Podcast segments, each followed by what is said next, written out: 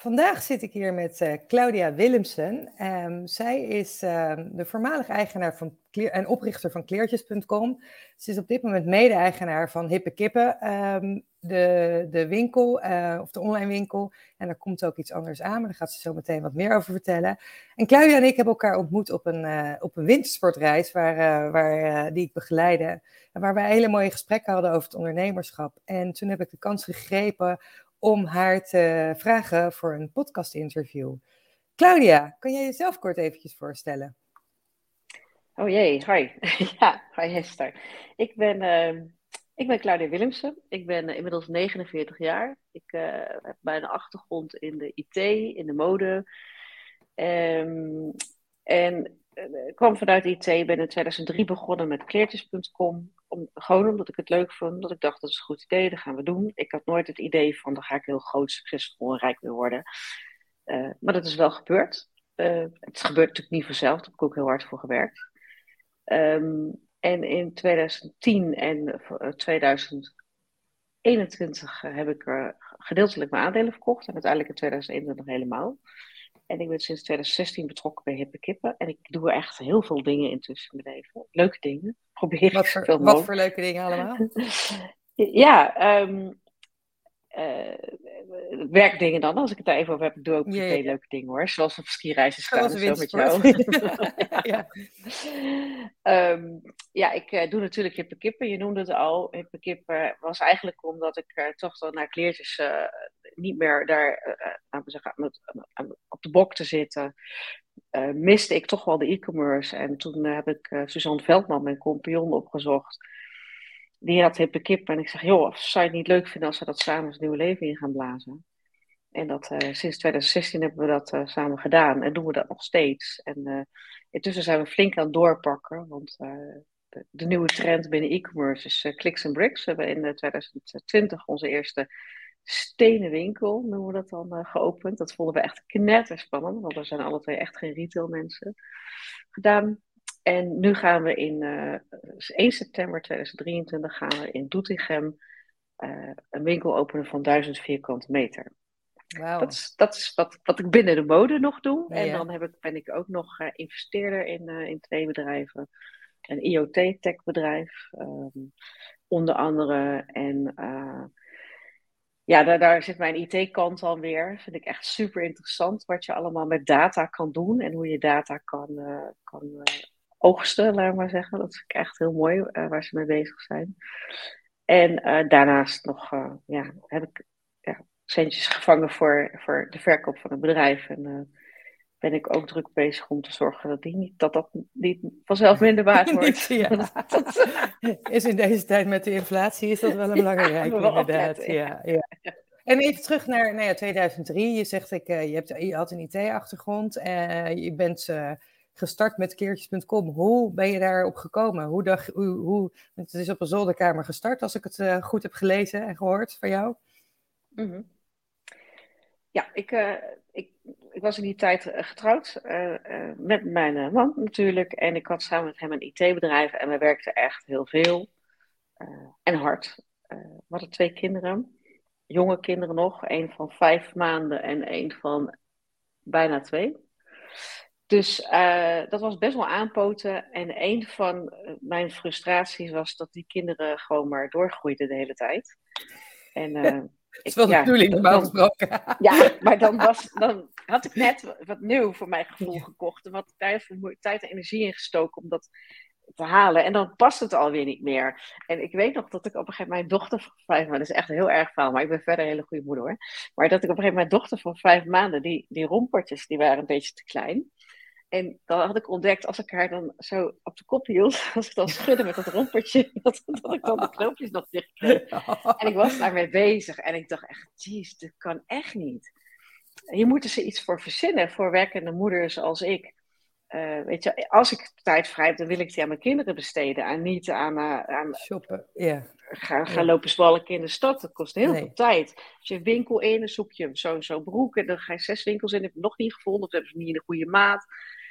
Dus ik dacht, iemand moet mijn problemen oplossen. En ik kocht wel eens wat online. Er waren, nou, laten we zeggen, één, twee, heel misschien drie initiatieven met kinderkleding online, maar allemaal heel klein, heel klein assortiment.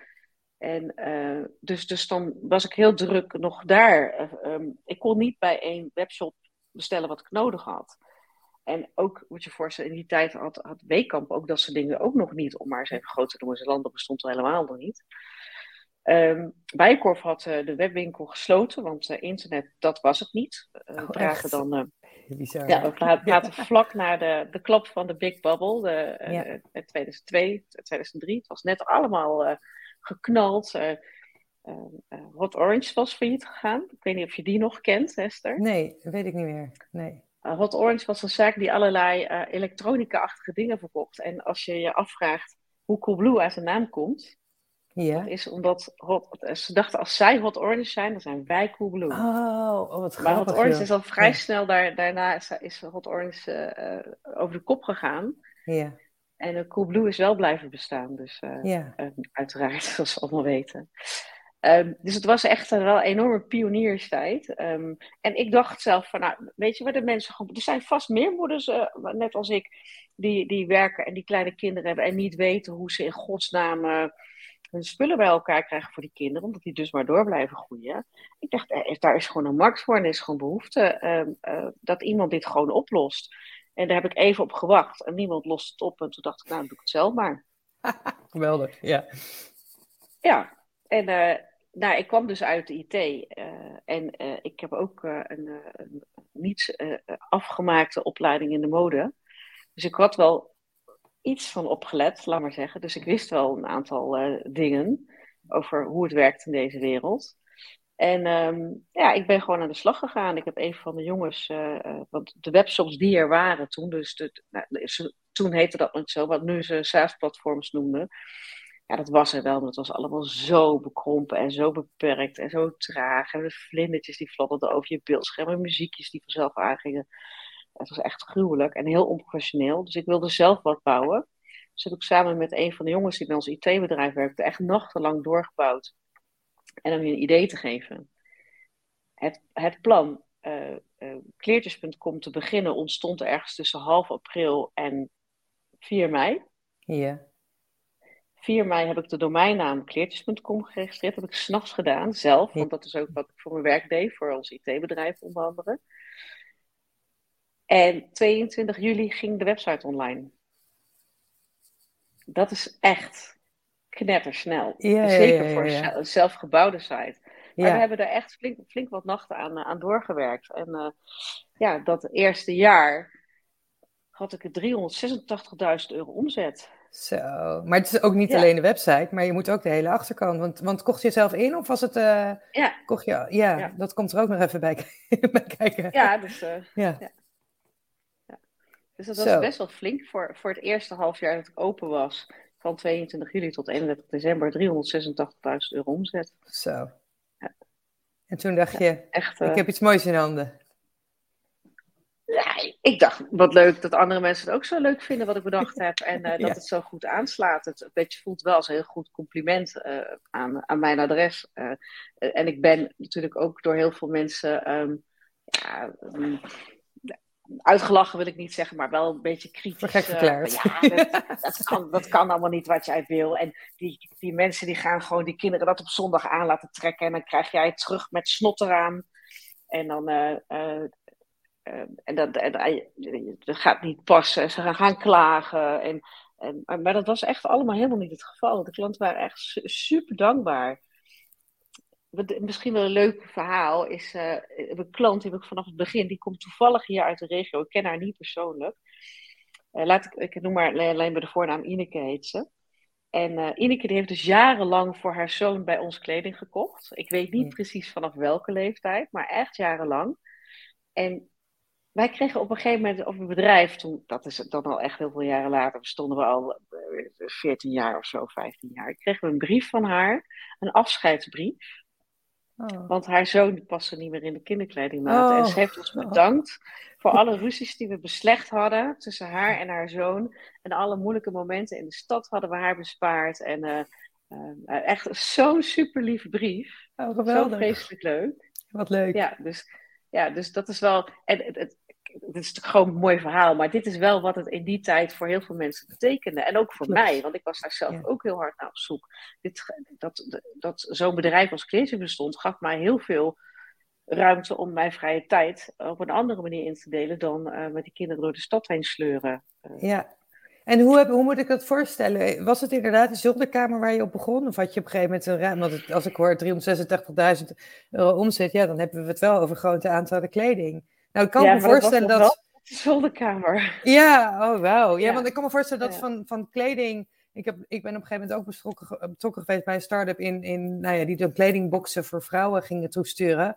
Maar daar kwam zoveel van terug. Daar was het retourpercentage heel hoog. Ik kan me voorstellen dat dat mm. voor kinderkleding misschien net wat lager is, maar dat weet ik natuurlijk ook niet. Ik ben daar geen expert op. Mhm. Maar ehm, hoe, eh, hoe is dat dan? Ja, voor kinderkleding uh, was het retourpercentage zeker lager. Alleen in het begin, en dat, dat weet ook niet iedereen, in het begin, toen ik met kleedjes begon, verkocht ik geen nieuwe collectie. Ik verkocht alleen outlet. dus dat ah, betekent dat, dat alles wat ik verkocht, was nieuw, maar voor de helft van het geld.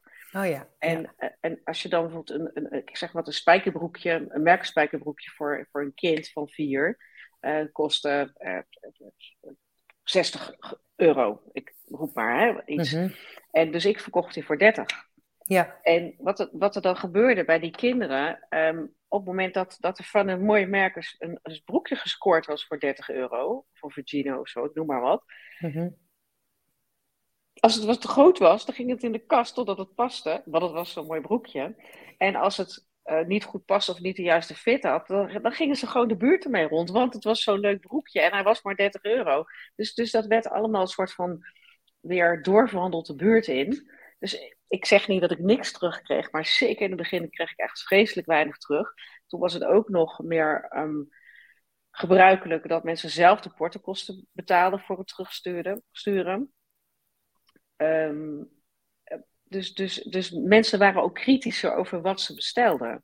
Ja, ja dat scheelt zeker heel veel. Ja. En dat is wel iets wat er nu dan uh, iets meer aan ontbreekt, zeg ik dan maar heel netjes. Ja, inderdaad. Ja, ja. ja. ja, ja dat zeg je heel netjes. Ja, ja. ja. nou, ik heb daar heel veel. Vraag trouwens ja, heb ja, nee, ga beantwoord uh, trouwens. Ja, want daar ben ik heel goed in. Dan klets ik maar wat weg. En dan, uh, ja, nou, ik heb, ik heb heel veel meer vragen. Want wat ik dan inderdaad... Ik, ik denk dan nou weer... Oh ja, je bent natuurlijk inderdaad begonnen met... Uh, het is ook logisch dat je natuurlijk begonnen bent met een oude collectie. Want ja, qua inkooptijd, dat, dat kost natuurlijk ook tijd. Maar hoe ben je dan... je bent, ben je dan gaan aankloppen bij, bij, bij, bij, bij bedrijven? Of hoe moet ik me dat voorstellen? Uh, dat is ook wel een grappig verhaal. uh, ja, ik, ik, de vraag is waar begin je? En ik kende een. Uh, ik, je, je, je, moet natuurlijk een netwerk opbouwen. Yeah. En in het begin haalde ik um, um, Marktplaats. Via Marktplaats waren de winkels die het zwaar hadden, die gewoon een deel van hun voorraad kwijt wilden. Of van hun, van hun outlet kwijt wilden. Dat, dat kocht ik dan op, dan reed ik er naartoe en dan kocht ik het op. Um, en maar soms reed je ook helemaal naar Friesland. Dan was het gewoon echt allemaal oude rommel. Dan ging, je gewoon weer terug. was gelukkig te zien dat niet zo duur als nu. maar um, ja, je moet, daar moest je ook voor waken. Dat je dan toch nee durfde te zeggen tegen een partij als het te duur was, of te oud, of niet mooi, of niet verkoopbaar. Nou, dan had je de tijd ingestoken, had je het verkeerd ingeschat. Natuurlijk had je van tevoren altijd wel foto's. Maar zo deed ik het eerst, dus via Marktplaats. En toen later was er een soort van forum uh, dat was in die tijd nog heel veel. Hè? Dat hebben we nu. Dus ik ben daar nu helemaal niet mee bezig met, met voorraad internet. Maar toen was dat echt wel een ding. Ja, uh, de, de, social media was toen veel minder. En de fora was veel meer. En er was ook een kinderkledingforum. En toen, daar was ik lid van. En toen. Uh, en ik, ik kende inmiddels een vrouw via, via een marktplaats, had ik die leren kennen.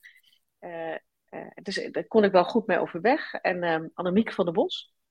Ik heb nog steeds contact mee trouwens. En um, die tipte mij van, nou, je moet op dat forum gaan, want daar, daar gebeurt echt van alles. En uh, daar hebben mensen ook weer ingangen op een andere weg. En er waren ook heel veel mensen stonden op markten met die kleding en nou, weet ik veel wat. En toen was er eentje die zei van, uh, op dat forum van, ja, ik ga binnenkort naar een uh, leverancier van een bekend merk, ik noem het merk maar even niet. Um, is er iemand die het leuk vindt om mee te gaan? En ik dacht, nou, dat wil ik wel. Ik wil wel een ingang daar. Kom maar mhm. door. En uh, nou, dus op een, nou, het, was, dat is echt het is zo amateuristisch, dat wil je niet weten. Op een gegeven moment hadden we een auto met vijf vrouwen vol. We zouden met z'n allen naar Sliedrecht gaan rijden.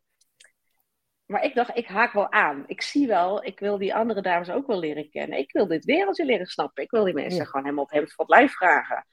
Uh, van waarom dit wel, waarom dat niet. En, uh, en um, nou, dus op een gegeven moment, wij zouden naar Sliedrecht gaan.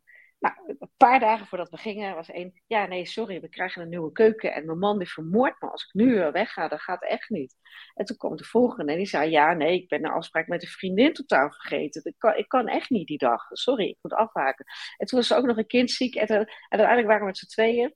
En de ochtend dat we zouden gaan, zei ze, ja, het spijt me echt zo vreselijk, maar ik had de griep of ik weet niet. Dus ik was alleen.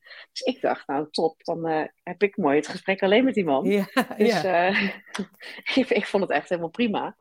Dus toen zei ik, nee joh, maakt niet uit, ik kom jouw afspraak wel na.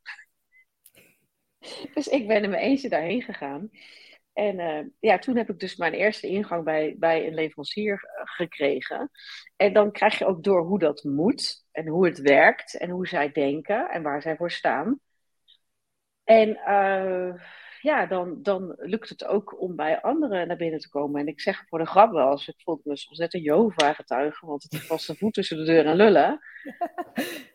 om ze te overtuigen. En wat ik ook altijd deed, dat is ook heel belangrijk. Zij vonden het natuurlijk heel belangrijk dat, dat ik de spullen niet te goedkoop verkocht. Mm Want dat, dan gooi ik hun merk te grabbel. Ja, ja. Um, uh, dus ik, ik had altijd met hun afspraken over die ik zelf maakte vanuit mijn eigen initiatief. Dat ik zei, nou luister, ik verkoop het voor de helft van het geld. En als ik bijvoorbeeld na twee maanden, uh, als het nog niet verkocht is, dan wordt het uh, 60%. En na uh, vier maanden als het niet verkocht wordt het 70%. Uiteindelijk gaat het voor 80, 90% gaat het altijd de laatste dingetjes weg. Ik hield ook nooit geen stuk over. Nee. En, er was ook heel weinig wat uiteindelijk voor 80 of 90 procent wegging hoor. 70 was al niet zoveel meer. Want het was echt het was een run op, dat was niet normaal. Ja. Dus um, ja, zo, zo heb ik me een beetje in dat wereldje ingeworsteld. Maar wat grappig, want je zegt ik ben Jehovah-getuige, maar eigenlijk om, om te kunnen verkopen. Dus was, wat, was, wat was een grotere uitdaging? Om, om de goede merken aan jou te binden? Of om het, om het te, want als ik hoor hoe makkelijk jouw uh, verkoop aan de andere kant ging. Um, wat was dan de nee, grootste uitdaging? Om de, om de handel te krijgen, dat was de grootste uitdaging. En het vertrouwen te winnen van de leveranciers. Ik heb zelfs, volgens mij, uh, even kijken, ik ben in 2003 begonnen. Uh, ik denk 2000, nee, 2004, volgens mij, begin januari, had ik gewoon geen handel of niet voldoende. Oh, shit. Gewoon, en toen zei mijn, uh, mijn man toen van ja, zet maar op de deur, weg is rijkdom gesloten. ik had gewoon, ik, had, ik schaamde me gewoon een beetje dat ik zo weinig te verkopen had. Maar dat kwam ook omdat het zo vreselijk, ik had zo vreselijk veel verkocht, dat had ik gewoon helemaal niet kunnen overzien. Nee. En het werd elke week werd het maar meer en meer. En, en ik, ik was wel natuurlijk vanuit mijn IT-bedrijf wel gewend met geld om te gaan, maar dan had je het over bedragen van, daar verkochten we vooral uh, hosting service domeinregistratie. Dus het gaat dan om bedragen. Als je dan een bedrag van 1200 euro per maand, een server of zo, dan was het echt mega veel. Dat was een super goede opdracht. Maar ja, bij mij ging het dan, dan ging ik eerst inkopen voor, voor, voor 2.500 euro. En toen had, was ik het, zei ik tot over de volgende maand, hè, want ik was van plan één keer in de maand te gaan.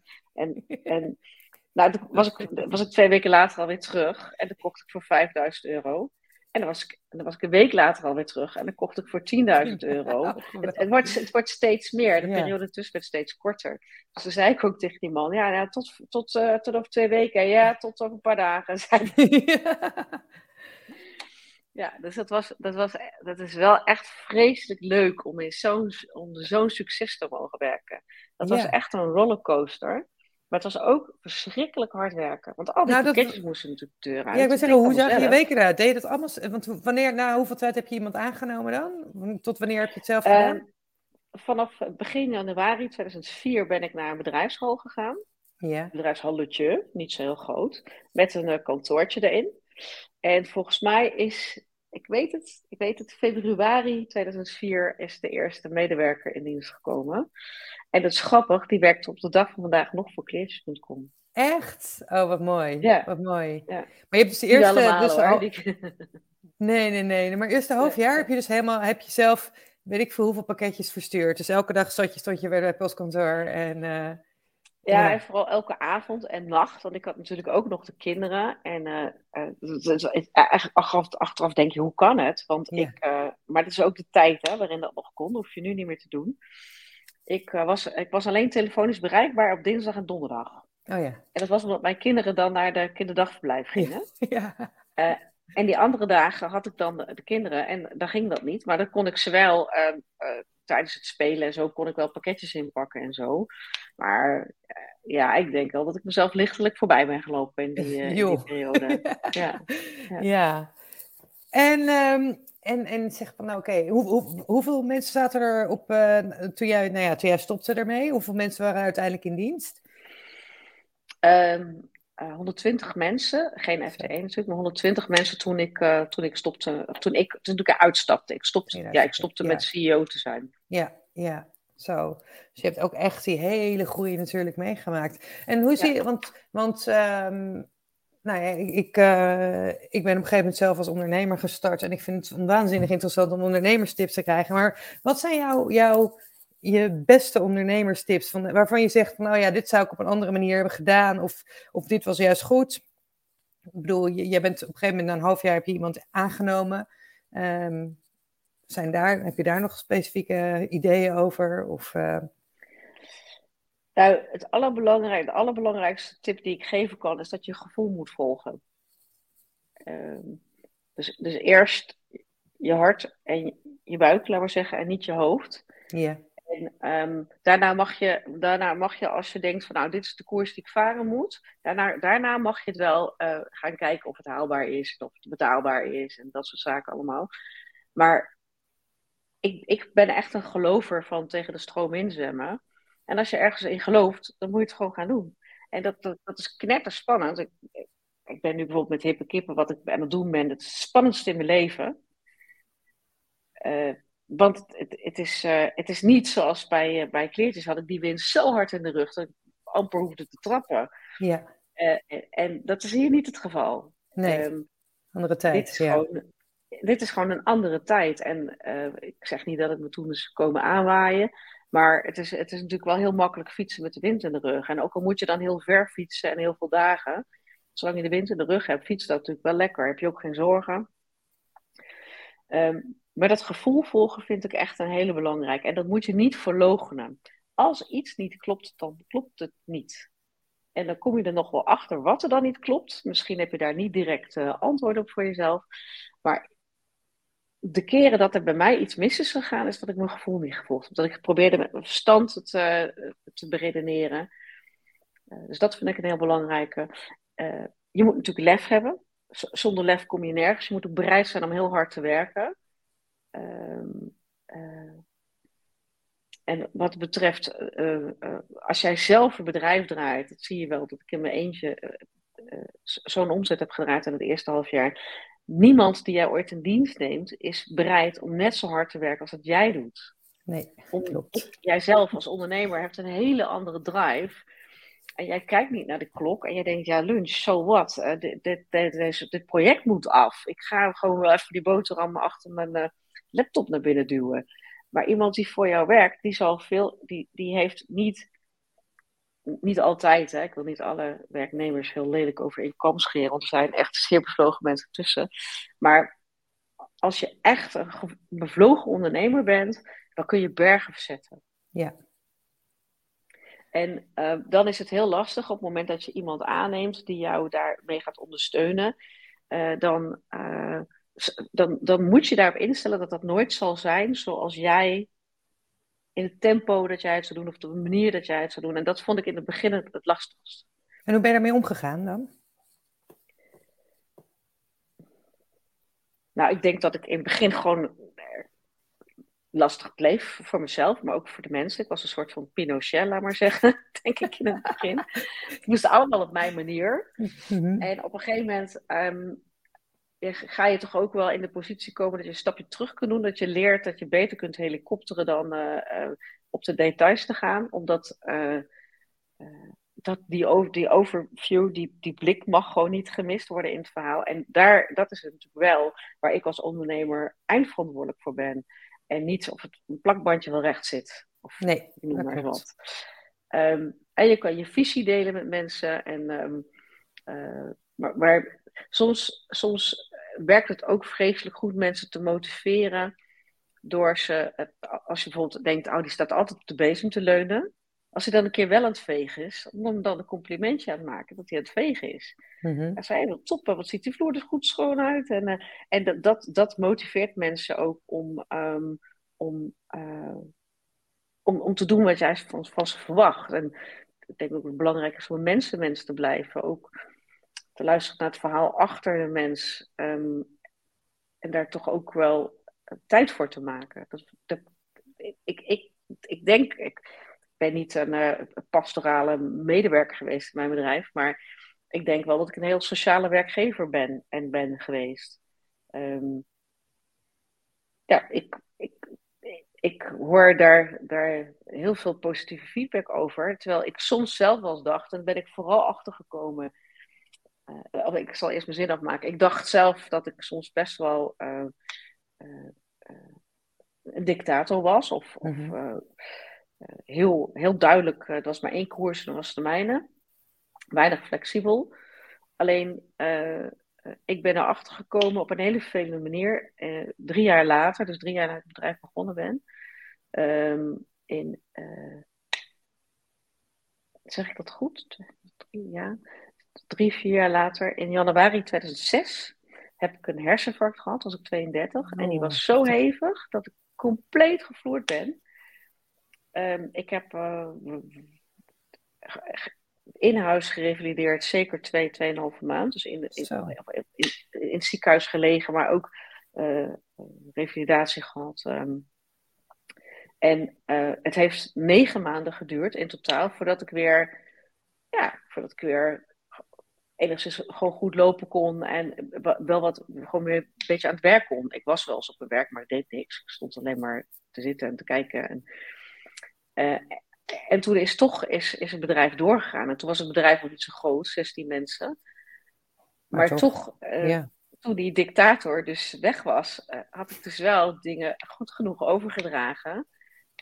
Dat het eigenlijk, ja, ze hebben mijn bedrijf doorgedraaid. En daar was ik ja. echt verschrikkelijk dankbaar voor. Ja. Uh, dus ik heb geleerd dat het ook nog wel meeviel met mijn dictatorschap. Maar dat ik toen ook dacht, oké, okay, dat wat ik dan dacht daarvan over heb, dan moet ik moet nu echt zorgen dat ik een vangnet krijg. Niet alleen voor mij, maar ook voor mijn mensen. Want ik heb ze onbedoeld door mijn plotseling ziek worden, zomaar aan hun lot overgelaten. 16 ja. mensen die op hun boterham rekenen. Ja door jouw bedrijf, ja, daar heb je wel, daar heb je wel uh, verantwoording voor, vind ik. En, uh, en, toen ben ik wel begonnen aan uh, te bouwen met meer structuur in het team en teamleads en senior mensen. En um, uiteindelijk heeft het dat ertoe geleid dat, dat ik en vanaf 2008, denk ik, en dat is niet eens heel veel la jaar later, ben ik begonnen met een management samen te stellen. Ja, ja, ja. Management team. En dat was voltooid, zo goed als, ja, was voltooid in 2010. En, uh, en, en, je zegt ook, je bent toen inderdaad een jaar er bijna uit geweest, maar ik kan me voorstellen dat je dan als je weer in de organisatie komt, dat je ook niet meteen weer vol aan de bak kan.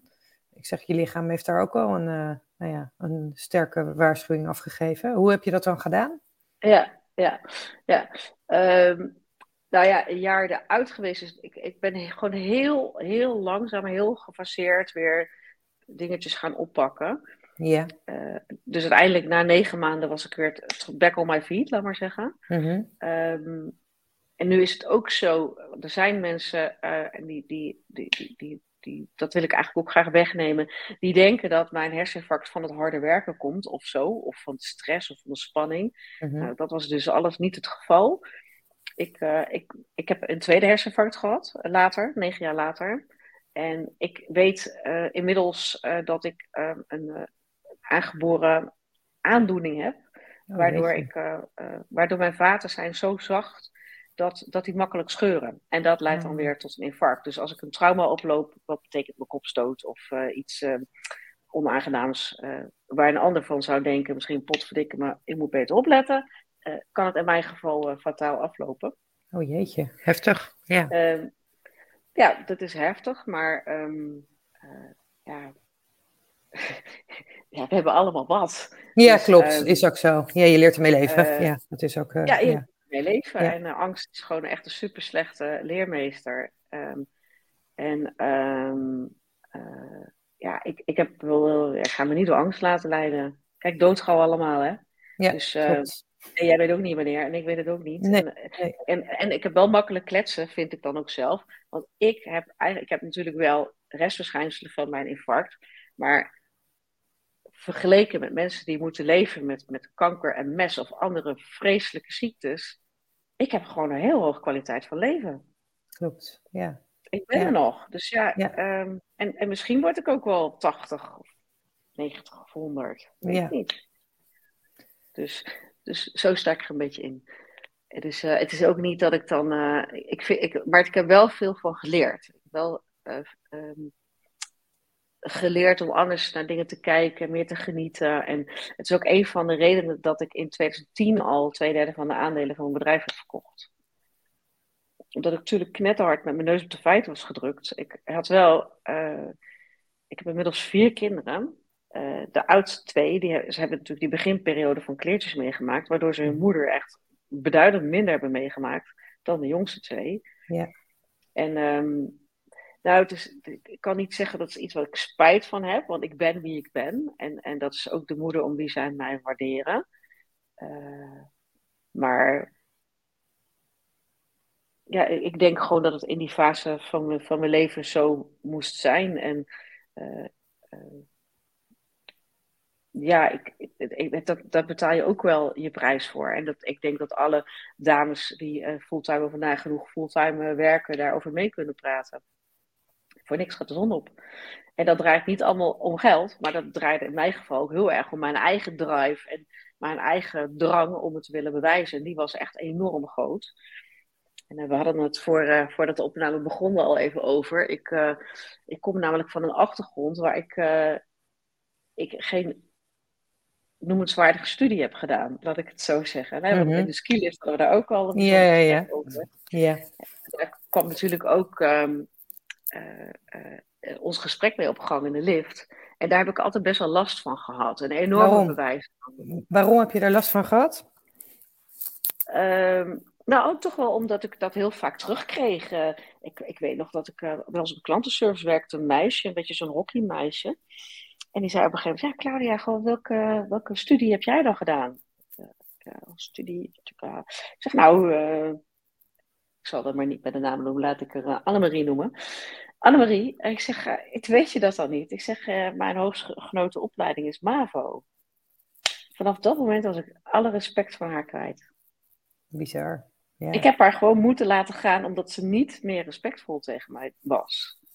Ja. Zij was opgegroeid in een wereld waarin je studie, je, je, je, um, je, je, zeg het eens, je, je visitekaartje is visitekaartje naar de buitenwereld, ja. Ja, ja is studie is wie je bent. En ik was in één keer helemaal niemand meer, ondanks alles wat ik bereikt had.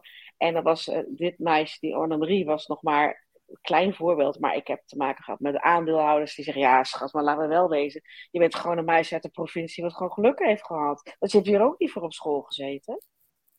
Ze zeggen het gewoon echt, hè? En ze schamen zich er ook niet voor. Nee. En ze denken ook nog dat ze het beter weten dan jij. En het ergste was nog dat ik in het begin ook dacht dat het zo was. Dat ze het beter wisten dan ik.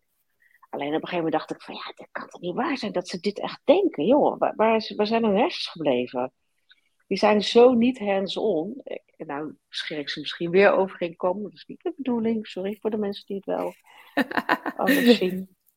Maar ik heb, ja, en ik heb ook in mijn jeugd wel veel moeten horen dat, dat ik, eh, ik, ik was een, eh, een heel lichtvoetig kind. Heel positief ingesteld en heel um, vrolijk. En uh, ik denk met name mijn moeder, die heeft best wel een, pittige tijd gehad in de jeugd. Uh, komt uit een gezin met veertien kinderen. En die vond gewoon dat ik allemaal veel te makkelijk erover dacht. En ik kwam er nog wel achter hoe de wereld in elkaar zou steken. Mhm. En ik werd nog wel met de neus op de feiten gedrukt. En er werd me ook heel vaak verteld, dat kun jij niet. En dat red jij niet. En dat haal jij niet. Nou, hoe harder ze dat ging roepen, hoe meer ik dacht van nou, dat zullen we nog zien. Maar ik vind het wel mooi dat je er zo mee om bent gegaan. Want er zijn natuurlijk heel veel mensen die, uh, ik zeg, ik doe, doe, doe veel persoonlijke ontwikkeling deze periode, uh, of deze, deze afgelopen tien jaar. En dan heel veel mensen die je dan ook tegenkomt zeggen, ja, je kan dat niet. En dan daar ook in gaan geloven. En jij dacht, ja, waarom kan ik dat niet? Dus waar komt die drijf dan vandaan? Weet je dat? Uh, nou, ik, ik, had, ik, had wel zoveel zelfvertrouwen, dat was gewoon niet kapot krijgen. En ik denk dat er ook tegelijkertijd een irritatiefactor was van met name mijn moeder, want ik ging maar gewoon door. Ik trok me er niks van aan, wat ze zei. En uh, ik moet nog wel eens lachen, want ze zei nog wel eens tegen mij: Ja, als jij zo doorgaat, dan kom je bij de Albert Heijn achter de kassa. En als ik dan nu achter die zelfscan sta, dan denk ik: Ze had gelijk. maar hoe kijkt zij daar nu dan tegenaan? Hoe kijkt zij nu tegenaan? Mijn moeder, mijn moeder leeft niet meer. En mijn, mijn vader oh ook niet meer. Nee. Um, ja, hoe zit het tegenaan? Ik, ik denk wel dat, en dat is ook het lastige, ik kom uit een arbeidersgezin. Um, er was gewoon heel weinig begrip voor wat ik deed, denk ik, vooral in het begin. En heel veel zorgen. Ja. Want zij dachten echt oprecht dat, dat ik pakte dingen zo groots aan. Zij zagen alleen maar van die komt in de problemen. Ja. Um, um, ik, ik weet nog een voorbeeld um, uh, dat ik in de Gelderlanden stond. En dat, dat, dat, was een artikel wat over heel Gelderland uh, zo'n gedeelte stond. Mm -hmm. En dat interview had ik zelf gegeven. En dat, dat, dat was in een bepaald jaar, was mijn omzet 5,4 miljoen euro. En dat stond dus ook in de krant. En dat was op een zaterdag. En uh, nou ja, het was tegen half twaalf. belde mijn moeder mij op. En die zegt, ja, ja tante Everdien heeft gebeld. Ik zeg, tante Everdien heeft gebeld. Hoezo, wat dan? Ja, je staat in de krant. Ik zeg, ja, dat weet ik. Ja, ja de, weet je wat tante Everdien zegt? Ik zeg, nou, wat zegt tante Everdien nou? Ja, dat dat bedrijf van jou 5,4 miljoen euro omzet. staat er. Ik zeg, ja man, dat klopt. Oh, oh nou dan ga ik gelijk tante Everdien even terugbellen. Dag hè, tuut, tuut. En dat was het hele gesprek. Terwijl ik dacht, hoe kan dit? Ik heb ja. zo vaak pogingen gedaan om uit te leggen wat nou de omvang was van het bedrijf en wat het succes was van het bedrijf. En, um, en, en, maar ik denk ook dat het, dat het. Weet je, ik mag mijn ouders dat ook niet kwalijk nemen, dat doe ik ook niet. Het was ook gewoon. Zij zijn natuurlijk in een hele andere tijd opgegroeid als ja. ik. Zij zijn na oorlogse kinderen. Mijn vader is zelfs in 42 uh, geboren. Is in de oorlog geboren. Beide zijn uh, heel jong hun vader verloren. En dat, dat is dus de kostwinner is weg. Dus er is heel veel zorgen over geld geweest. En ja. ik deed het allemaal maar gewoon. Ja. ja. Dus zij hadden best wel veel zorgen over mij, die heel onterecht waren hoor. Um, uh, waardoor zij nooit uh, in alle openheid hebben durven zien wat ik nou eigenlijk gedaan heb. En later is hun dat wel duidelijk geworden, omdat je dan uh, sta je weer op dit podium de Thuiswinkel Awards in ontvangst te nemen. En dan word je de beste ondernemer van Nederland. En ja, dan, dan sta je in de Telegraaf. En op een gegeven moment moeten ze er toch wel aan dat, dat je dat je toch wel goed hebt gedaan in je leven met je grote mond. ja. Ja, ja. ja. Nou ja, ik denk maar dat was voor mij ook... wel lastig. Ja, dat nou, dat kan me voorstellen. Ja, ja, zeg maar. Ja, ik, ja. ik had gewoon niet echt iemand om mee te, om mee te uh, sparren. En uh, ik zei wel eens een beetje brommend tegen mijn accountant... Verdorie, de enige mensen waar ik fatsoenlijk mee kan praten... zijn mensen die per uur moet betalen. ja, ja. En hoe, hoe ben je dus, daarmee omgegaan dan? Want ik kan me best voorstellen dat het pittig is, inderdaad. Nou, dat, dat was wel eenzaam, ja. Dat was wel eenzaam. Uh, ja, eigenlijk, ik betaalde die mensen gewoon maar per uur. Maar wie ik wel had, dan moet ik wel echt zeggen. Uh, wie ik wel had, ik, uh, ik had mijn ex-schoonvader. En mijn ex-schoonvader, dat was een, een wegenbouwer. Yeah. En die heeft ook een, een, mooi bedrijf gebouwd. En ook veel mooie opdrachten mogen maken. In, met name Duitsland, duiken, dijken gebouwd en zo. Dus een hele andere materie. Maar ik weet, eh, die man die had gewoon zo, die volgde zo zijn gevoel. Ik weet nog dat hij een keer bij ons op kantoor kwam, toen nog bij het internetbedrijf. Toen uh, liep hij dan zo echt een beetje zoals meneer de directeur bij ons door kantoor, dat bij ons ongemakkelijk gingen voelen tegenover onze mensen. Van, oh, wat doet hij nou? Mm -hmm. En toen zei hij, uh, nou, en dan kwamen we dan, uh, zondag kwamen we dan koffie drinken bij zijn ouders. En zei hij, die een die daarachter zit, die met die bolle ogen, die moet je ontslaan. Ik zeg, sorry.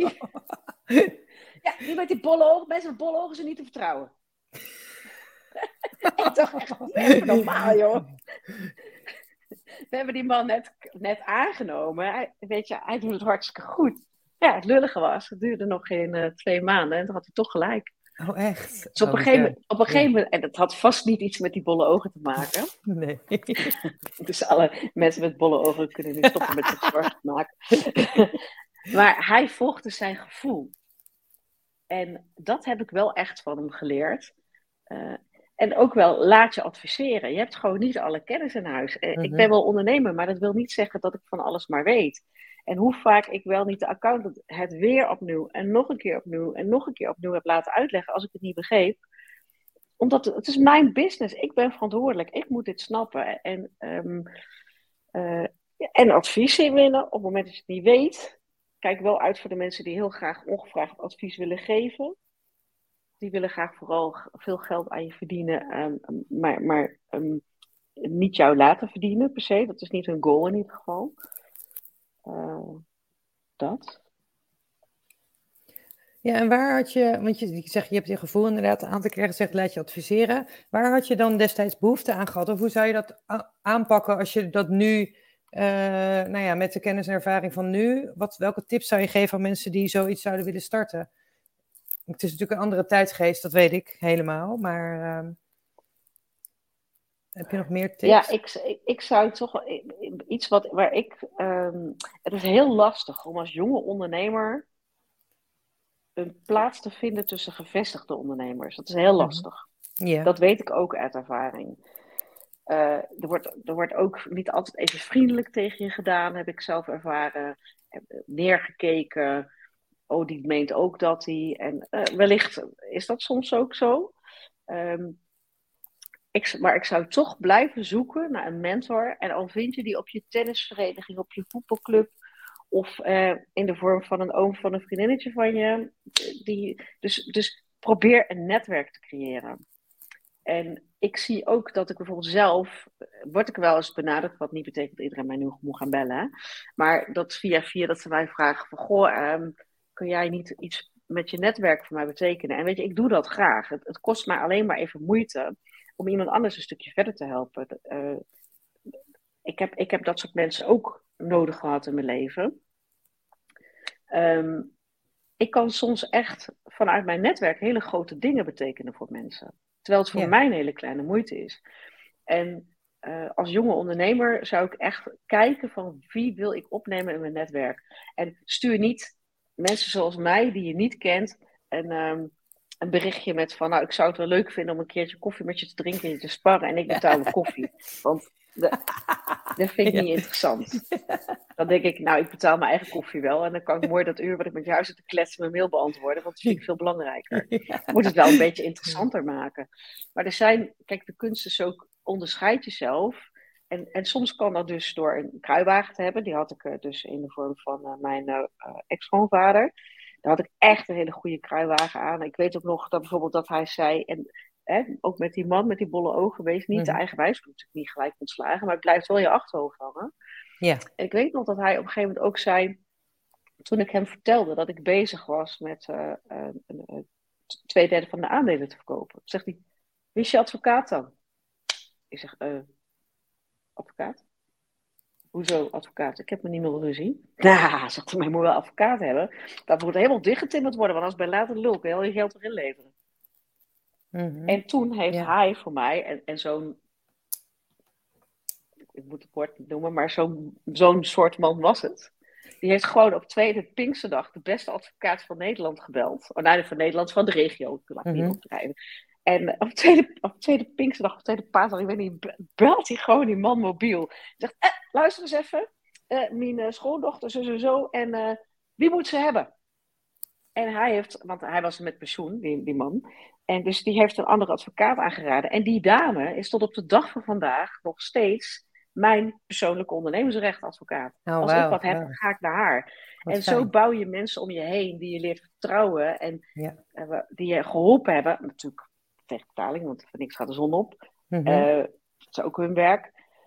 Um, en zo, zo, bouw je een netwerk van mensen waar je op kunt bouwen. Op. Dus, en, en toen bijvoorbeeld mijn zwager, uh, die zakelijk geschil had, die zegt tegen mij, ja, ik, ik, toen nog echt een heel stuk jonger, die zei, ja, Claudia, ik zit toch, ik worstel wel ergens mee. uh, weet jij niet een, een, een, goede advocaat? Wat ik dan doe, mijn advocaat zei toevallig ook Claudia, dat is altijd een goede naam. Dan bel ik gewoon Claudia en zeg ik, joh Clau, ehm, dit en dat is het verhaal. Wie ken jij die hem het beste kan helpen? Uiteindelijk bleek het hetzelfde zijn. Uh, en dat was ook zo. En hij heeft uiteindelijk die rechtszaak gewonnen. En dus je moet niet onbeslagen ten ijs komen en echt je best doen om, om een netwerk te creëren uh, waarin je uh, vragen kunt stellen, gerichte vragen uh, over je ondernemerschap en dat advies in te winnen. En dan echt wel opletten dat jij naar hun komt en niet zij naar jou. Ja. Want als iemand naar jou komt, dan wil die jou wat verkopen. Iets waar je misschien helemaal niet op zit te wachten. Mm Als iemand naar mij komt en zegt, nou, bedankt voor de info, ik ga het onthouden, mocht ik ooit terugkomen. Dat wil niet zeggen dat die mensen niet gekwalificeerd zijn. Maar dat is misschien ook niet de hulp waar je op zit te wachten. En uh, het zijn ook vaak mensen die commercieel wat gekwalificeerder zijn. En het heel goed aan jou kunnen verkopen. En um, uh, ik zeg echt, kijk naar het netwerk, vraag rond. Zorg dat je een aantal mensen hebt. Tegenwoordig is het natuurlijk super makkelijk met LinkedIn. Alhoewel ik ook zelf wel vind dat via LinkedIn vinden mensen al heel snel dat ze mijn vriend zijn. En mijn voorwaarde is altijd wel, ik moet je wel kennen. Ik, ik moet je een hand gegeven. Ik moet woorden met je gewisseld hebben en een indruk van je hebben. Mhm. Anders ga ik geen mensen uh, toevoegen op LinkedIn. Ook al lijkt dat misschien al heel stoer dat ik vreselijk veel mensen ken, maar ik ken ze helemaal niet. Dus, uh, nee. Dat, je kunt het niet alleen.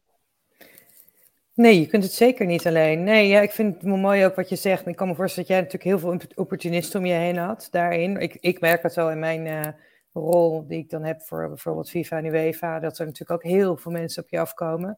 Dus ik, ik, leer mhm. hier ook weer van, als jij dat dan ook zegt. Ik vond het heel lastig, want ik wilde iedereen helpen. Maar ja, dat kan op een gegeven moment gewoon niet meer. En wat jij zegt Als ze bolle ogen hebben, dan uh, sowieso niet.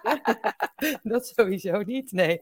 Nee, maar ja, het is op een gegeven moment ook gewoon de tijd. Wat jij zegt ook, ja, je kan je tijd uh, één keer uitgeven. Ik bedoel, uh, geld is altijd weer binnen te krijgen, maar tijd komt niet meer terug. Dus, uh, dus dat is nee, mijn... Je moet echt wel ja. denken...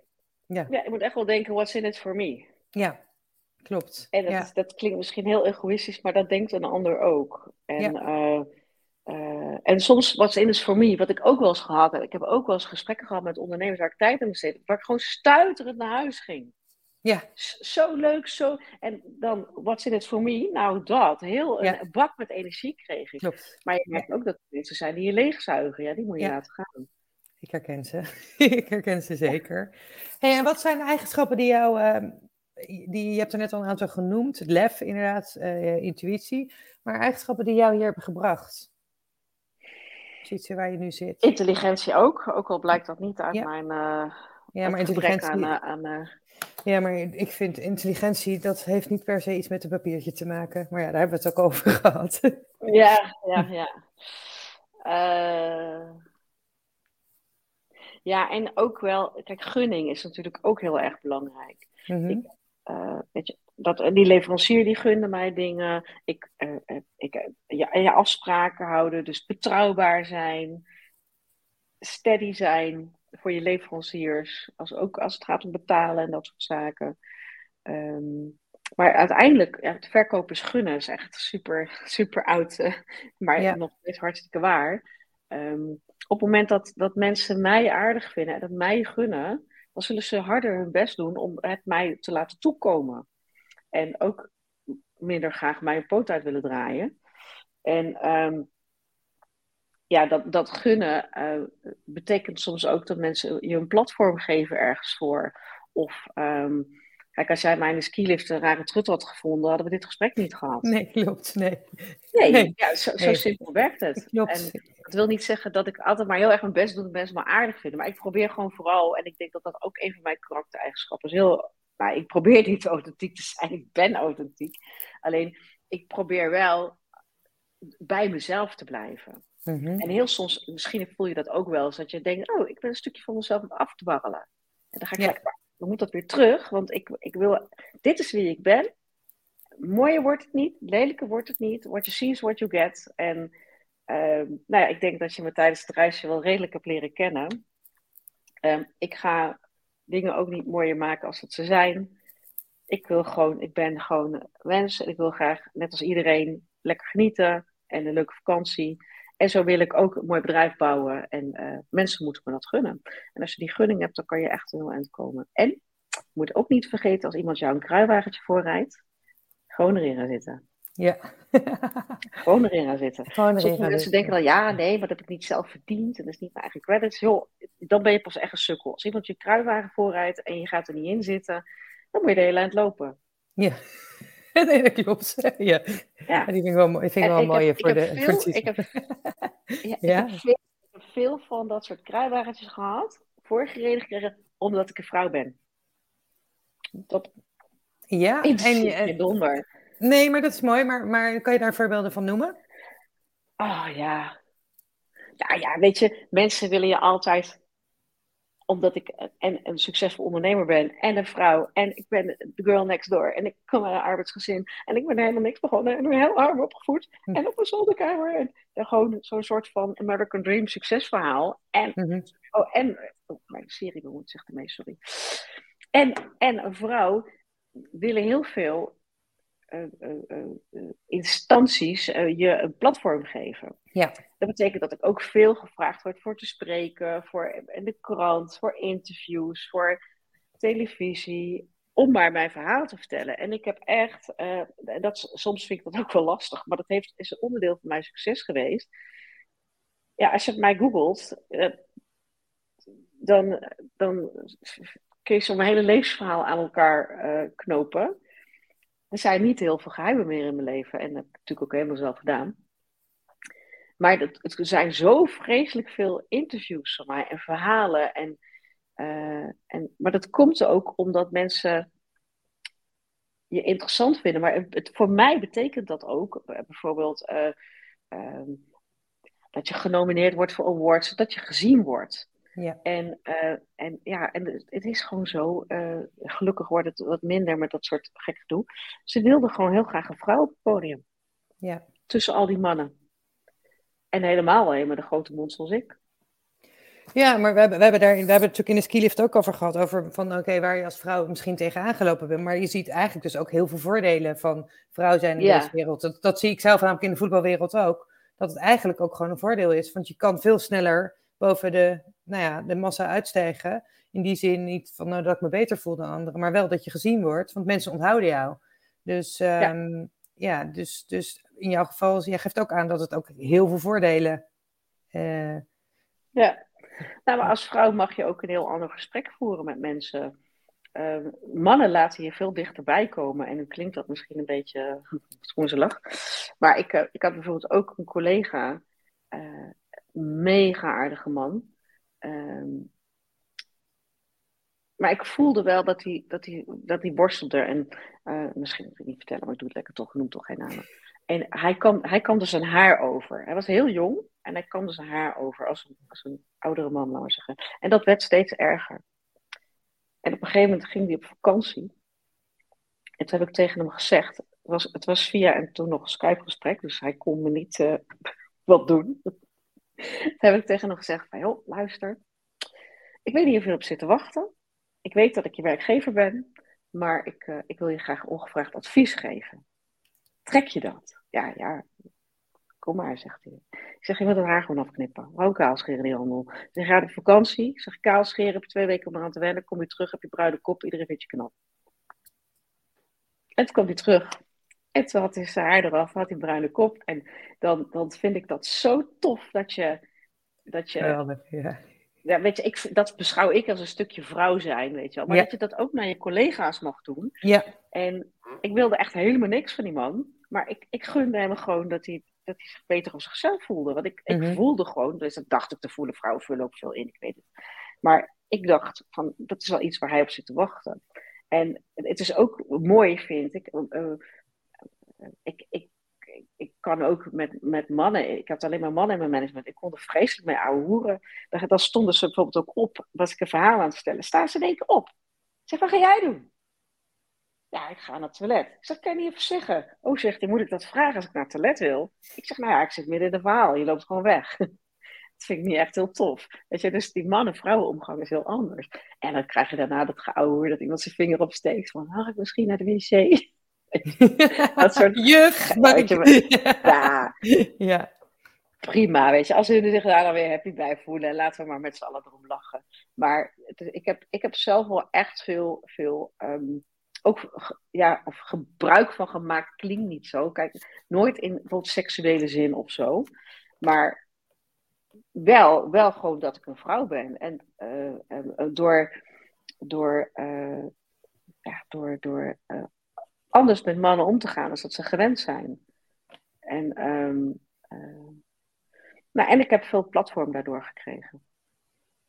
En, en heb je tips voor vrouwen? Je hebt er net al een aantal genoemd, maar tips voor vrouwen die in de mannenwereld werken?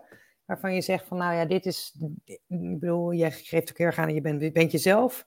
Maar zijn er nog andere tips waarvan je zegt, nou, dit is een handige uh, om, om mee te nemen? Nou, die ga je aan mij vragen, die tips. Ik denk dat je ze zelf ook heel goed weet. Ja, ja, ja maar, ik, vind het wel interessant van anderen te horen. Ik, ik zou zelf vooral voor mijn hart geen moordkuil maken. Ja. Vrouwen hebben, en dat betekent niet dat je over elk dingetje moet gaan liggen zeiken. Maar op het moment dat er iets bijvoorbeeld gebeurt waarvan je denkt, hé, hey, dit voelt niet lekker, ik voel me gekwetst of een andere vrouwelijke emotie, dan is het handig om die gewoon op tafel te pleuren, mhm. zonder dat je daarbij, en, en voordat het te laat is. Want zo zijn vrouwen dan ook nog vaak. Die incasseren eerst heel veel, incasseren heel veel. En op een gegeven moment beginnen ze te huilen en ze snapt zo'n man echt helemaal geen donder van. Ehm, dus, dus gewoon, uh, en ja, kijk eens hoe zij met elkaar omgaan en, en leer daarvan, denk ik dan. Ehm, maar je moet wel altijd ook vrouw blijven, want als je je als halve kil gaat gedragen, dan volgen ze het ook niet meer. Ehm, en ik vind het heel erg leuk om tussen de mannen te werken. En ik heb, maar het grappige is, voor hippe kippen hebben we alleen maar vrouwen.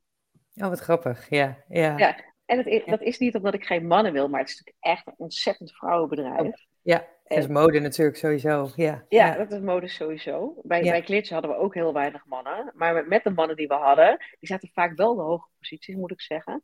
En mhm. hier in, hier in de Achterhoek is het sowieso lastiger om... Uh, om nee, je, je, sowieso je zit dichter tegen Duitsland aan, dus je cirkel is minder groot. Want ja, daar die willen we niet. En, uh, um, dus, dus, en, en natuurlijk zijn alle mensen die, De studenten zijn heel vaak in de stad gebleven, blijven hangen waar ze een studie hebben gedaan. Klopt, ja. Uh, dus, en dat is niet Doetinchem. Nee. Nee. Dus eh, het is lastig om hier aan mensen te komen, omdat, ze, omdat er gewoon niet heel veel mensen terug zijn gekomen naar hun studie. Of niet heel veel, maar dat zijn er toch al minder. En hier zitten natuurlijk ook bedrijven die allemaal mensen zoeken. Dus het is hier echt wel wat lastiger om, uh, gekwalificeerde, uh, gekwalificeerde mensen te komen. Mm -hmm. um, en waarom vertel ik dat eigenlijk? Je mag me zijn oproep doen. Sommige mensen uit Doetinchem zijn die luisteren. Oh ja, nee, ja, nee, om, ja, tussen vrouwen en mannen. Ja, mannen. Ja. dat, ja. dat is het punt. Dus dan had ik snel mannen.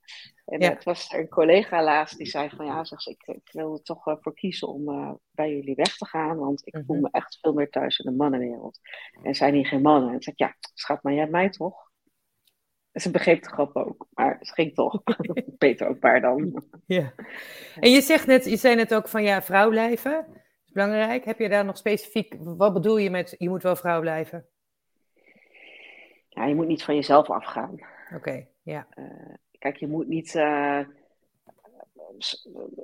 schuine moppen, tappend, scheldend aan de, aan, aan, aan de kroeg gaan zitten en uh, liters bier naar binnen jakkeren. Ik denk, ik denk niet dat je daarmee heel serieus genomen wordt. Je moet het ook niet overdrijven, bedoel ik eigenlijk. Ja. Toch, Esther? Nee, ja, zeggen wij, wij kunnen volgens mij allebei kunnen wij leuke moppen tappen. Maar nee, maar, maar, nee, maar wat, ik, wat ik merkte in de voetbal. Ik heb heel veel, en jij, volgens mij jij ook, maar dat is een interpretatie. Maar gewoon de, de doortrekkingsvermogen, vermogen, dat is wel veel masculine eigenschappen. Uh, wat ik mhm. merkte is dat ik op een gegeven moment juist weer mijn vrouwelijke kansen moest gaan opzoeken. En niet dat ik er mannelijk bij liep, want ik was altijd heel verzorgd wel. Maar dat ik merkte, oh ja, maar die vrouwelijke kant, dat ik die bijna een beetje kwijtraakte.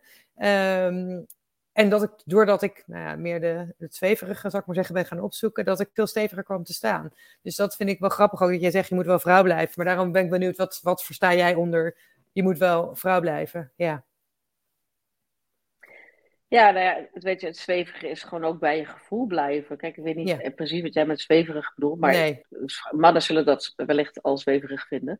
Ja. Uh, bij je gevoel blijven. En ja, net als ik bijvoorbeeld die collega ongevraagd advies heb gegeven over zijn haardracht. Ja, dat is mijn gevoel. En mijn gevoel is dat ik moet delen. En, uh, en een man zou zoiets never nooit niet doen. Nee, klopt. Ja. Ja. En zeker niet tegen een andere man trouwens. nee, maar dat is wel wat je zegt. Je kan inderdaad als vrouw kan je ook vaak wat meer maken. Omdat je juist als vrouw, en dan kan je het net met de vrouwelijke ah. charme doen. En uh, ja. zonder dat het meteen inderdaad flirterig of iets is. Maar wel dat je, ja, je, je kan het net op een andere manier. Omdat het ook geen, het is op een andere, het is niet bedreigend. In ieder geval niet de zin van twee mannen uh, op die manier uh, bedreigend, zou ik maar zeggen. Ja. Nee, ja. en soms is het gewoon ook heel leuk om, uh, dat vind ik ook heel leuk om, om het ijs te breken. Zeker met mannen. Ik was een keer bij een staalbedrijf, achtig bedrijf, uitgenodigd voor uh, in de buurt om kennis te maken. En, uh, en die hadden daar, die, had, die, hadden meerdere in holdingen, meerdere BV's waar ze dingen deden. En een van de dingen die ze hadden was een, het bedrijf zat aan de snelweg en er stond een, een woning in hun bedrijfs gebied, laat maar zeggen, in het gras. Maar tegen de snelweg aan. Dus ik zeg, ik zit dat in dat directeurskantoor, ik kijk uit het raam. En dat is soms echt heel erg mijn humor, dat vind ik heel erg grappig. Dus ik zeg, uh, wat, wat moeten jullie eigenlijk met het huis daar? Dat vraag ik me zo lang af. Ja, zegt hij, dat kunnen mensen kopen als ze dat willen. Was natuurlijk een modelwoning. Dus, dus hij zegt, dat kunnen mensen kopen als ze dat willen. Ik zeg, nou, wie daar wil wonen, zo dicht bij de snelweg. Nou, die twee mannen keken me aan. Die dachten echt, shit, ze is niet alleen blond. en dat is dan mijn humor. En dan heel lang in stilte te laten vallen. En dan hun zich heel ongemakkelijk te laten voelen. En dan heel erg gaan lachen. echt superleuk. Dat ze denken, bedoelt ze dit nou? Serieus? Ja, ja, ja, mooi. Ja, maar het grappige is, het grappige is dat je dan wel gelijk het ijs gebroken hebt. En soms moet je dat gewoon durven. Ja, ja. Ja. Maar soms moet je uit, wat ik heb gemerkt dat ik wel moet uitkijken, soms, soms begrijpen mensen niet dat het een, een grap is. en dan nemen ze het heel serieus op. dus, uh, dat is, dat is hun ding dan, hè? Ja, ja. klopt. Ik, uh, omwille van de tijd, want ik kan nog uren doorgaan, ik heb nog een paar laatste vragen. Waar ben je het meest trots op?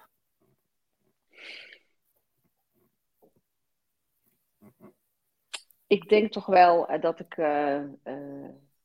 dat kleertjes opgericht heb. En hoe, weet je, dat, dat je dat op een gegeven moment verkocht hebt. En uh, dat je zelf, terwijl je in de auto zit, naar uh, vakantie doodgegooid wordt met reclame van je eigen bedrijf. Ja, dat is, dat, daar ben ik toch wel echt verschrikkelijk trots op. Dat, ja, daar ga ik niet onder stoel bank steken. Nee, maar daar mag je ook hartstikke trots op zijn. Is ook geweldig. En wat zijn je doelen of ambities? Heb je nog ambities? Ja, je hebt natuurlijk aangegeven de winkel. Maar op de lange termijn heb je zoiets van, nou, dit zou ik nog heel graag willen bereiken?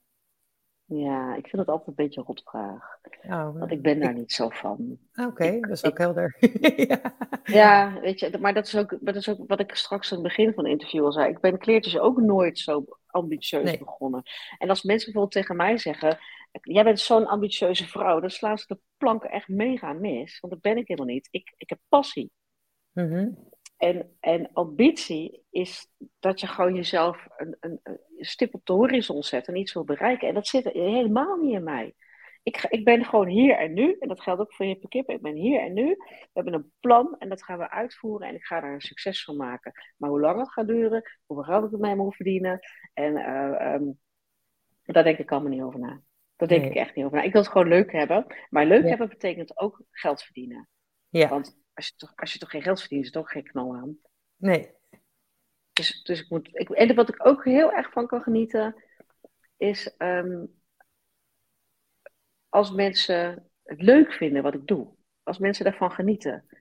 Uh, we hadden, heb kippen laatst een vaste klantenavond. Nou, daar ben ik altijd de hele avond. Nou, ik geniet dan ook echt enorm van al die mensen die het zo naar hun zin hebben. Zo enthousiast zijn, zo positief zijn dan, dan denk ik niet, oh, wat verdienen we vanavond veel. Maar dan denk ik, oh, wat leuk, zoveel enthousiaste, blije mensen om iets wat ik mee heb mogen bedenken. Ja, dat heb ik met zo'n wintersportreis. ja, herken ik helemaal. Ja, gewoon om het, uh, om, het, om het andere mensen naar hun zin te zien hebben, dat is gewoon geweldig natuurlijk. ja, dus dat, uh, ja. Dat, uh, dat herken ik wel in die zin. Ik had nog een vraag ertussen eventjes, want die heb ik niet, die had ik net willen stellen, maar je hebt niet gesteld. Je zegt, je hebt ook heel veel, nou ja, de, de, de kritiek en dergelijke gekregen. Hoe, ga je daarmee, hoe ben je daarmee omgegaan? Of hoe heb je daar tips voor, van hoe kan je daarmee omgaan? Want je, zeker als je zichtbaarder wordt, dan gebeurt, komt er natuurlijk ook wel uh, commentaar. Ja, weet je, als je je kop boven het maaiveld steekt, wordt hij er gewoon sowieso afgemaakt. Gewoon in Nederland. Mm mijn mijn ex-schoonvader zei altijd, uh, als er maar over je geluld wordt. Ja. En uh, rare verhalen over mij gaan er altijd. En, uh, of, en ook leuke, goede verhalen. Maar weet je, ik weet zelf hoe het zit. En um, ja, echt kritiek. Maar het punt is ook dat, ja, dat klinkt misschien heel gek. Maar ik, ik heb bijvoorbeeld ook nooit mensen benadeeld of... Um, dus, dus er is ook niemand die boos op me is, laat maar zeggen. Nee. Denk ik. Als het wel zo is, dan hoor ik het graag. maar ja, weet je, gelukkig, het voordeel van ouder worden is wel dat je daar langzaam leert boven te staan. En uh, kijk, uh, feedback is natuurlijk wat anders. Dat vind ik heel leuk. Maar ja. kritiek voelt voor mij dan vooral als niet positief opbouwend ja. mening die ongevraagd is. En die vaak ook gebaseerd is niet op feiten. Dat was niet echt ja. Nederlands, maar je begrijpt wat ik bedoel. Begrijpen, ja. Dus ja, schouders ophalen door. Ik, uh, ik, heb, ik heb wel feedback ja. of, je, of je skistokken naar boven houdt als het moment dat je in de lift, lift zit. waar, je, waar je lag. Nou, dat okay, was zo de... grappig. Ja, ja ga maar. Ja, zeg maar. Ik, was, ik was op vakantie waar we zijn waren, was ik zo vreselijk gezellig en ontspannen. Dat, dat ik helemaal in mijn andere ik kwam. En mm -hmm. uh, mensen, ik, ik, vertel op zo'n vakantie dan niet wat ik doe, behalve dan met jou even dat één op eentje in de skilift. Maar dan zeggen mensen tegen mij, ben je altijd zo? Ben je altijd zo kip zonder kop? En uh, ja, ik, hippe, ik ben een hippe kip. Hip, hip, ja, hippe kip zonder kop. Nee, maar dat, ik ben echt een heel strak georganiseerde ondernemer. Maar dat durf ik dan op zo'n moment al helemaal niet meer te zeggen. Want ik ben natuurlijk die vakantie niet alleen mijn skisokken vernield gekregen doordat ik niet oplette. Ik heb ook mijn skierhand verloren en mijn handschoenen. ik weet het. het was elke dag was er weer, was er weer wat. ik was echt vreselijk ontspannen, denk ik. Heerlijk. Dat is, dat is ook de bedoeling. Ja, dat is ook de bedoeling. Hey, en wat, zei je, wat is een tip die je tegen je um, ehm, 15 jaar jongere uh, Claudia zou zeggen? Dat zou willen meegeven, ja. Je hoeft het niet allemaal zelf te doen. Ik werkte echt te hard. En ik deed te veel zelf alleen. Zeker, zeker joh, ik verdiende bakken mijn geld. Ik deed het allemaal alleen. Mm-hmm. alleen. Ik deed heel veel alleen. Ik had, gewoon, ik had gewoon wel de ballen mogen hebben om eerder uit management uit te breiden en eerder te groeien. Um, ik werkte wel echt heel hard en heel veel uren. En dat, dat had niet gehoeven. Uh, ook beter voor jezelf zorgen. Ik, ik doe bijvoorbeeld nu, staat er gewoon drie keer in mijn week, zelfs vier keer in mijn week, staat de sport in mijn agenda. Nou, als, als, als jij dat voor elkaar krijgt, dat jij die afspraak eruit krijgt en dat ik tijd voor jou ga maken, ben ik knap tante. Maar dat, dat lukt alleen maar als ik het echt sub, zo zwaarwegend vind dat ik erbij moet zijn bij iets, dat ik dan mijn sport laat gaan. En dan haal ik het misschien op een ander moment in. Vaak lukt dat niet, want dat is mijn agenda te vol voor. Maar uh, ja, of af en toe een keer een, een, dag in de sauna plannen. Gewoon vooruit plannen. En dan staat er gewoon wat in je agenda. En, oh, dat is wel een goede tip ook voor vrouwen. Je moet nooit zeggen wat. Want dat deed ik vroeger wel eens. Tegen een man. Dan zei ik, ja, nee, sorry, dat kan ik niet. Dan moet ik sporten. Ja, maar dan kan je het wel afzeggen. Ze gaan iets van je afspraak vinden. Je moet gewoon zeggen, ja, daar heb ik ook al wat staan. Nee, ja. er staat ook al wat. En uh, soms moet ik er dan, er staat de schoonheidsspecialist. Maar daar hebben ze geen moer mee te maken. Nee, dat is ook belangrijk. Uh, Selfcare is heel belangrijk. Moet, ja. Ja, ja, je moet, je moet goed, goed ook je, maar je, ook je agenda beschermen. En ik heb sinds een jaar heb ik een PA. En dat had ik veel eerder moeten doen. Veel eerder. Uh, ja. Zij zegt nu, ik weet, ik, ik word af en toe wel gek. En we doen het nu met z'n tweeën. Hoe ja. heb ik het in godsnaam gedaan? Ja, dat weet ik ook niet. Maar wat in die tijd wel was, dat me heel veel door de vingers gleed. En daar had ik heel erg last van. Mm-hmm. Om een klein voorbeeld te geven, dan zei iemand tegen mij: Wat betaal jij eigenlijk aan elektriciteit en uh, gas thuis? Ik dacht, ja, ik heb geen idee. Er wordt knap geschreven, ik heb geen tijd om naar te kijken. Ja, moet je dan niet een vast contract nemen? Ja, het is nu natuurlijk heel actueel, maar ik heb het al een paar jaar geleden. Daar had ik niet eens tijd voor. Nee. En um, dus, dus ook privé zijn mij heel veel euro's door de vingers gegleden, omdat ik altijd uh, bezig was met dat mijn werk prioriteit te geven. En, ehm, en ik, ik, had zelf, mijn hoofd was altijd zo in, op volle toeren. Dat ik, uh, ik had mezelf dat veel eerder moeten gunnen. Alleen ook daar leer je weer van. Ik heb daar ooit wel eens een poging toe gewaagd. Uh, Maar dat werkte toen niet. Alleen achteraf had ik toen niet de juiste persoon te pakken. En wat ik nu gedaan heb, is dat ik echt wel stevig vast begon te lopen, ben ik gewoon gaan googlen. En toen heb ik een recruiter opgezocht die goed aangeschreven stond. Kost me een bak geld. Maar ik denk, dit probleem moet gewoon gefixt worden. Ik heb er een maart gebeld en ze zei, wil je er nog over nadenken? Ik zeg, nee, ik wil het gewoon geregeld hebben. En uh, nou, het is zo, zo snel en zo uh, smooth gegaan. Uh, 1 mei is, is zij toen begonnen vorig jaar. En ik zit nu eerder te denken om er nog iemand bij te nemen dan dat ze dat ik denk, ja, straks gebeurt daar wat. En dan zit ik in hetzelfde schuitje. Ja, ik moet wel, Het moet wel redundant zijn. Hè? Ik kom uit de internetwereld. Het moet wel redundant zijn. Ja. Dus uh, en dat kan ik echt, als je een goede, een goede rechterhand hebt, en, en dan moet je echt geld in steken. Want die is dus bijna net zo goed als jij. Ik kan nooit net zo goed als jij zijn, maar bijna net zo goed als jij. En die begrijpt waar jij om draait en waar jij voor staat. En wat wel het lastige is, en zelfs ik met mijn hele openheid en zo vind dat lastig. Je moet wel heel veel privézaken delen. Ja. Om het te laten werken. En ook heel veel delen. Dat, ja. dat denk ik, ja, dat gaat er eigenlijk helemaal niet aan. Maar het werkt niet als je het niet deelt. Nee.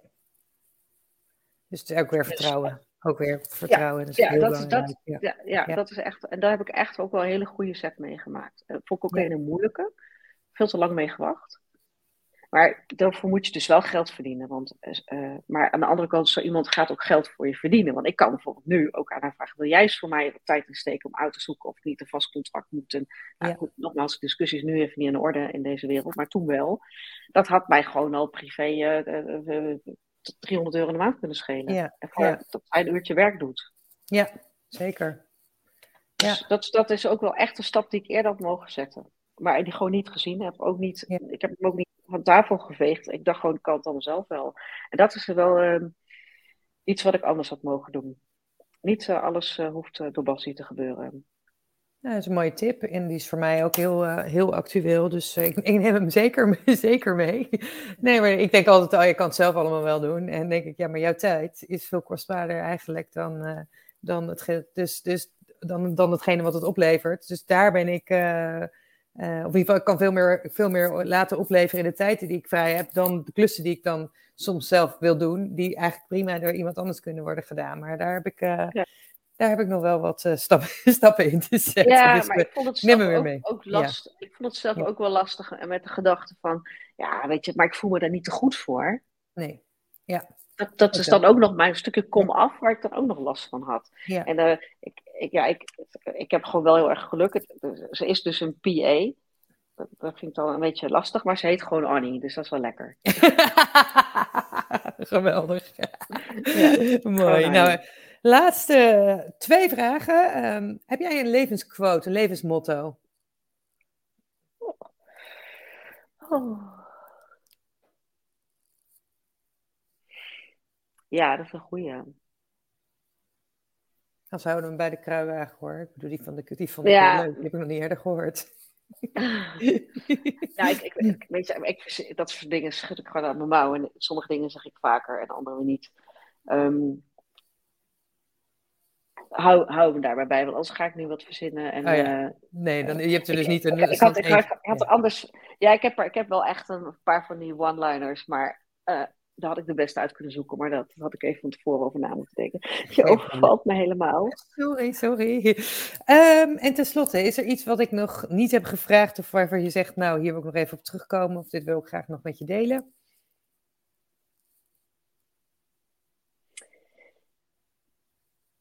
Nou, niet heel dringend, maar wat ik wel heel belangrijk vind, dat is ook een beetje in het kader van het gesprek wat we gehad hebben. Ik ben er nog steeds van overtuigd, als je echt gedreven bent en als je echt je doel wil halen, als je, als je echt er wil komen, dan zou je geen diploma nodig hoeven te hebben. En ik denk dat wij nu in een tijd um, uh, komen waarin zelfstudie ook weer steeds belangrijker wordt.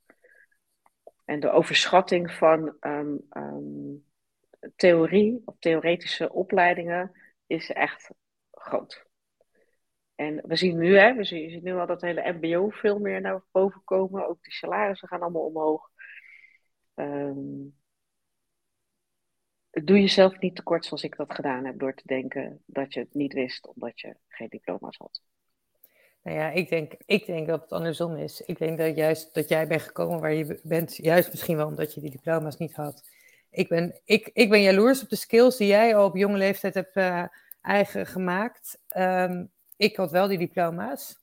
En ik denk alleen maar, waarom heb ik wat ik nu allemaal aan het leren ben, waarom heb ik dit niet op school geleerd? Maar op school was het waarschijnlijk niet, was, dan, dan, dan, je moet het toch in de praktijk leren. Daar komt het uiteindelijk op neer. Ja. Ja, dat, dat heb ik volgens mij de Skilift ook verteld. Ik, ik doe wel eens uh, gastdocentschap op, uh, op de universiteit of op een HBO. En dat is heel grappig. Dan ben ik ooit een keer gevraagd of ik docent wilde worden. En uh, dat is afgeketst omdat ik natuurlijk geen HBO-diploma had. Ja. Dus toen mocht het niet. En terwijl ze, ze, zijn, ze zijn helemaal lyrisch om jou als ondernemer uh, uh, voor, die, voor die zaal te hebben. Maar op het moment dat je dan niet voldoet aan alle vinkjes, dan worden we net zo uitgekieperd. Ja, ik vind dat bizar. Ik, ik vind dat zelf ja, echt bizar. Ja. Maar, um, ja, maar ja, ik, ik hecht ook niet zoveel aan dat. Nee, dat klopt. Maar ik zeg, ik vind ons schoolsysteem ook hopelijk ouderwets. En ik, ik, heb, ik heb dan wel dat universitaire papiertje. Ik ben blij dat ik hem heb, omdat het inderdaad deuren geopend heeft. Maar, um, maar het is niet een per, se, per se een uh, garantie voor een bepaalde vorm van intelligentie. Ja, maar nou, helemaal niet voor doorzettingsvermogen. Ja. Nee, de deuren die het jou geopend hebt, dat zijn dus de deuren waar ik mijn voet tussen moest steken. Ja. Dat is ja. een beetje het idee. Ja, maar die, die jij noemde net al de, de Jehovah-getuigen, het idee. Ja. Ik, zeg, ik denk dat dat iets is wat ik heel graag al eerder had willen leren, zou ik maar zeggen. Want daar, daar merk ik nu dat ik echt, nou, ik zit weer in de brugklas, zou ik maar zeggen, van het ondernemen. En denk, ja, dat zijn skills. Zo ongelooflijk waardevol. Maar ja. Uh, maar ja, als je dat daar niet mee opgegroeid bent, ja, dan is het ook niet vanzelfsprekend. Ja. Dus, uh, ja. Maar ik zeg, ik zeg ook Jehovah, omdat ik, dat zeg ik uit respect hoor. Want ja. Jehovah's, die staan ergens voor en die willen dat graag delen. En die hebben een heel beleefde vasthoudendheid ja. om dat met jou te willen delen. Soms inderdaad tot het irritante af. Maar um, ze staan wel ergens voor. En ze kunnen op een. Ze, dat is een kwaliteit, hè? Zij kunnen echt op een zeer respectvolle manier. hun best doen om jou te overtuigen van waar zij voor staan. Ja. En dat is ook wat je als ondernemer moet doen. Ja. Um, je moet mensen niet gaan lastigvallen. En ik denk dat ik daar, dat ik daar wel heel goed in was. Nou ja, mensen moeten ook in ik... jou geloven. Ja, en zoals ik het zie, had jij gewoon heel helder voor ogen. Wat je, je had wel heel helder voor ogen voor wat je wilde. Ook al zei je, nou, ik heb die ambitie niet specifiek zo gehad. Maar je had wel zoiets, ja, maar ik wil met deze partijen bijvoorbeeld in zee. Zelf heb ik het met, met ik wilde per, per se die sportwereld in. En ik weet niet, ik dacht ook linksom of rechtsom, ik ga er komen. En, en het ging vrij snel inderdaad toen. Maar omdat je wel, ik had wel heel duidelijk voor ogen wat ik wilde. En ik denk dat jij dat met bijvoorbeeld die, die partijen maar je waar je net over vertelde, ja. waarmee je om tafel bent gekomen, ook van ja, je, je hebt wel heel duidelijk voor ogen waarom, en, uh, ja, waarom je met ze in zee wil en dat je met ze in zee wil. En ik denk dat dat klopt. uiteindelijk ook wel uh, zijn vruchten afwerpt. Ja, klopt. Super bedankt. Ik heb al heel veel van je tijd genomen, van je kostbare tijd. Ik hoop dat Annie niet boos op me is nu. vast, vast, niet, maar ik, er, er mag nog een afspraak hierna inderdaad. Nee, nee ik heb het, al, het was al veel langer dan gepland. Maar uh, dankjewel ja, voor al je tijd. En uh, superleuk om, uh, om jouw verhaal te horen. Ik had nog veel meer kunnen vragen, maar, maar we gaan hem nu afronden. Graag gedaan Esther. Dankjewel ook voor jouw tijd.